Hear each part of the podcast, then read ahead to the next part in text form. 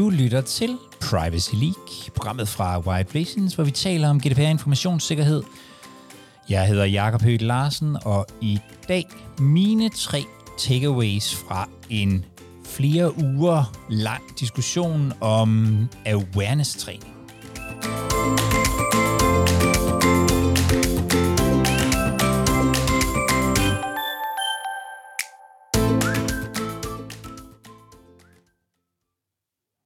I dag får du simpelthen mig helt alene. Der er ingen andre i øh, studiet øh, med mig, eller online, eller på nogen måde, fordi jeg har i de sidste øh, to, tre uger med Privacy League-netværket, både i Privacy League Live og på LinkedIn og alle mulige andre steder, diskuteret og talt om awareness-træning og den proces, som det er. Og øh, jeg linker selvfølgelig lidt til alle de der diskussioner på LinkedIn og podcast-optagelser og sådan noget, så du kan høre det.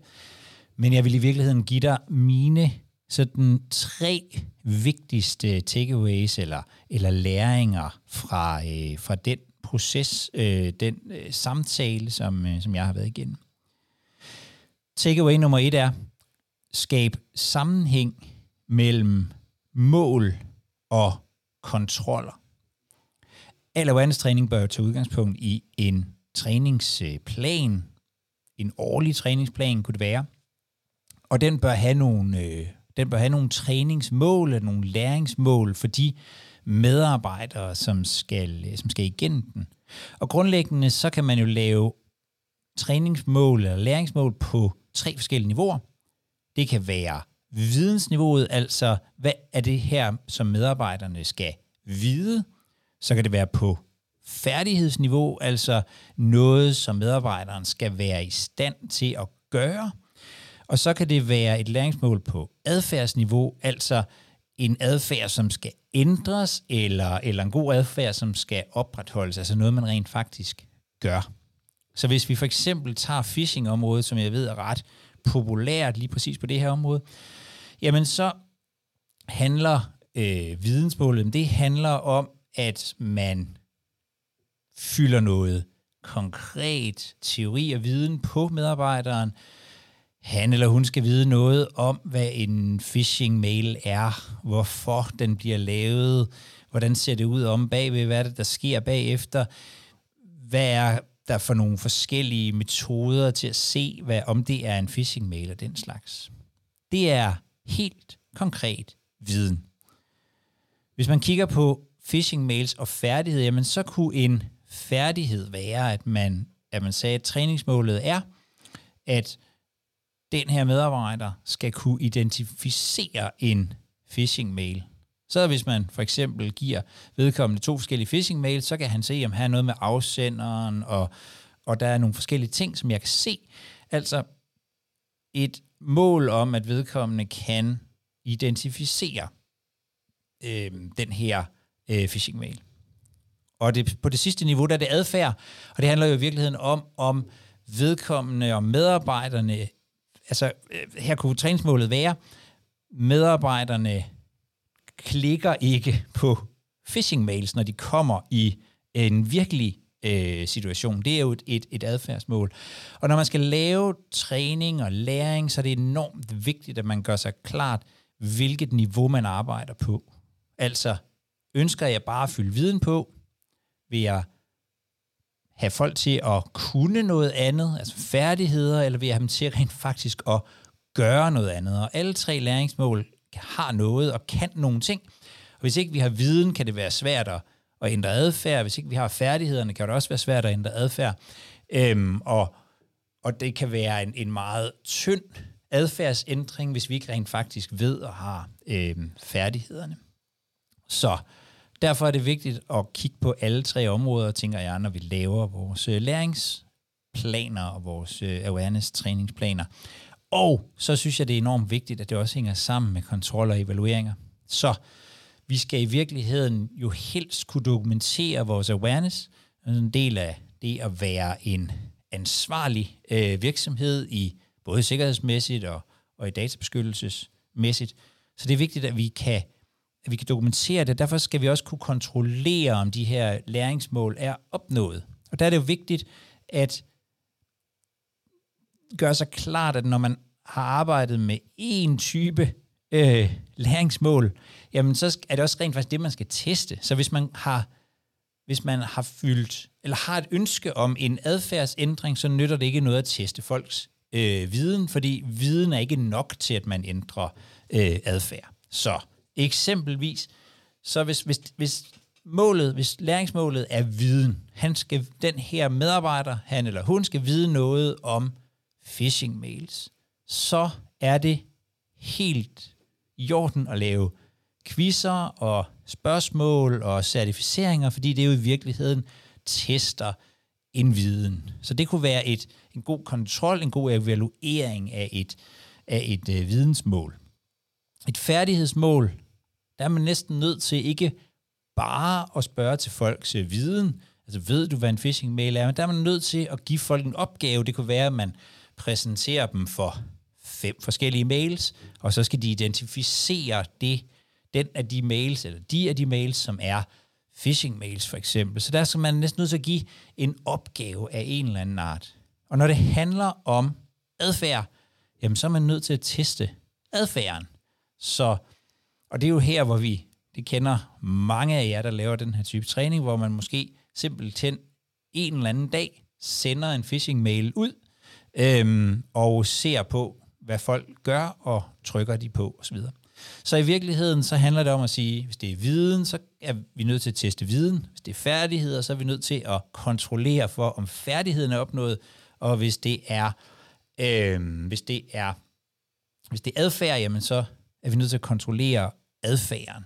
Jeg ser nogle gange læring, hvor man i virkeligheden vil have folk til at gøre noget andet.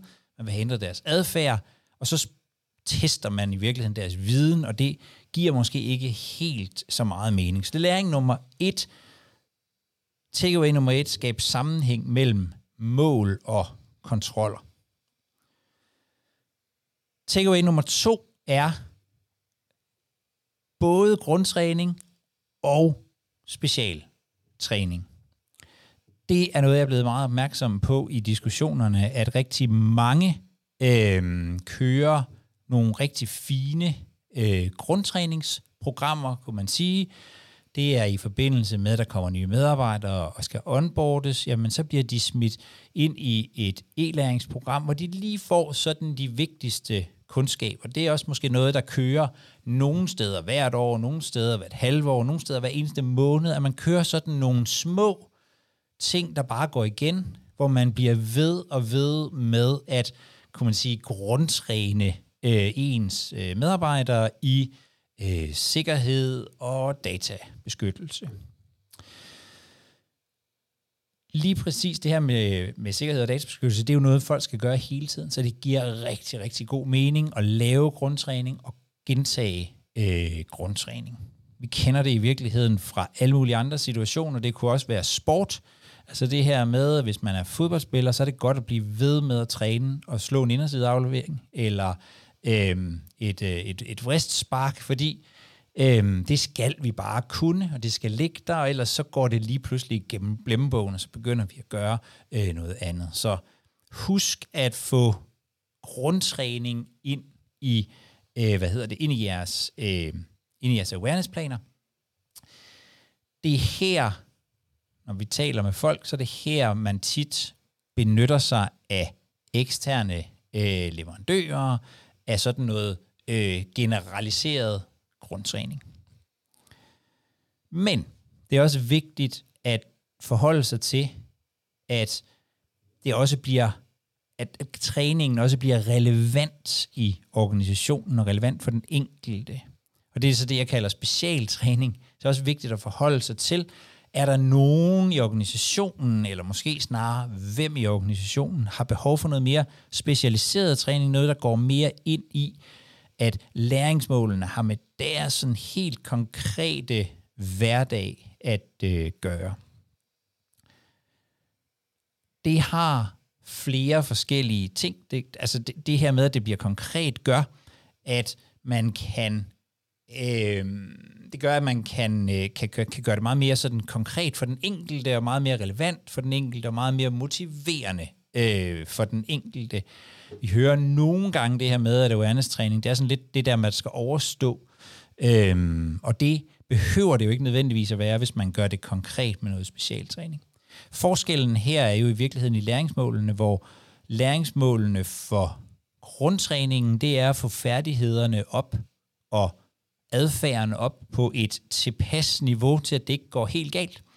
Og specialtræningen, jamen, der går læringsmålene ind på den enkelte og siger, hvad er vigtigt, når man sidder i den her situation? Hvis man er øh, sagsbehandler i kommunen, skal man så, hvad er der så, man skal forholde sig til helt konkret, kontra hvis man er øh, receptionist i en, øh, i en privat virksomhed, eller man er sælger, eller noget andet.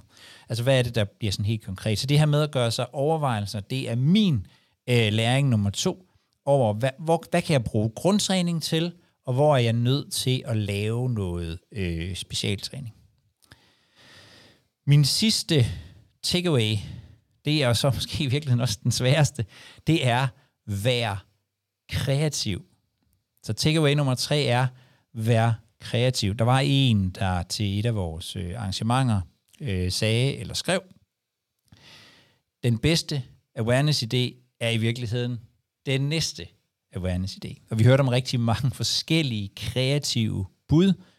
Øhm, der var en, som øh, hang sådan nogle toilet-news op, altså et, øh, nyhedsbrev op på, øh, på toilettet med nogle, nogle svar, som var vendt på hovedet øh, nede i bunden. Der var en, der havde, øh, der havde tænkt på at lave sådan et, en jagt på Halloween-spøgelser omkring Halloween, hvor man kunne finde øh, gemte arkiver, både digitalt og, og, øh, og offline, der er folk, der bruger øh, øh, sjove, øh, hvad hedder det, sjove øh, øh, øh, indslag fra, fra tv og andet, men det her med i virkeligheden at være kreativ, og det er jo absurd øh, nemt at sige, måske sværere at udføre. Men jeg tror, det er noget, man kan, øh, man kan lære. Så lige nu og her, så kunne jeg godt tænke mig, at øh, du eventuelt sammen med din afdeling simpelthen besluttede dig for, at finde 20 idéer, gode og dårlige, øh, kreative og vanvittige til, hvordan man kunne gøre folk mere opmærksomme, mere aware omkring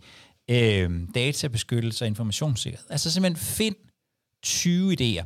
Så lægger jeg et, en LinkedIn-post ud, og så øh, må I gerne bare fylde på der, så, vi, øh, så kan vi også hjælpe øh, hinanden til at blive endnu mere kreative. Så hvis du har siddet og lavet dine øh, 20 idéer og skrevet dem ned, så meget gerne øh, hælde dem ind på, på det øh, LinkedIn-post, som jeg øh, også øh, linker til i, øh, i show notes her. Det var mine tre øh, takeaways.